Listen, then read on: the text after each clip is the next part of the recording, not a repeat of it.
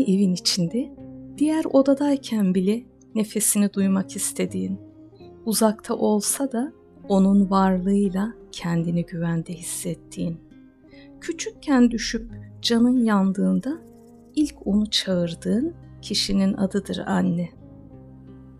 Evin ışıklarını ilk açan ve son kapatan, sevgisi hiç bitmeyen, yorgunluk gözlerinden aksa da nereden geldiği bilinmez o bitmek tükenmek bilmeyen enerjisiyle aileyi yuva yapan, karanlıkta ışık olan kişinin adıdır anne.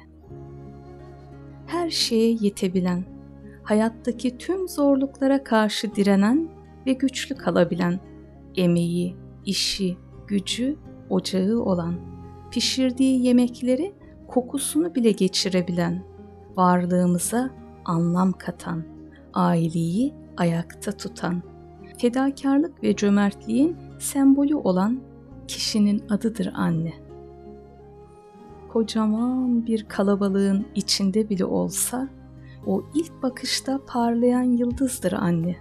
Onu sizin yıldızınız yapan sevgisidir, sabrıdır, şefkatidir, emeğidir. O kişinin adı annedir. Sadece karnında büyüten değil, kalbinde büyüten, emek harcayan, seven ve saran, koruyan ve kollayan, onunla üzülüp ağlayabilen, onun sevinçleriyle mutlu olabilen kişinin adı annedir.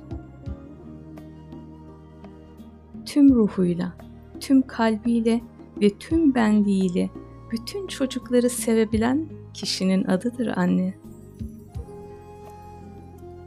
Diğer taraftan da maalesef kadınlığın, anneliğin ne olduğunu anlamayıp kendi zayıflıklarını ona şiddet göstererek kapatmak isteyen bütün acizleri de kınıyorum.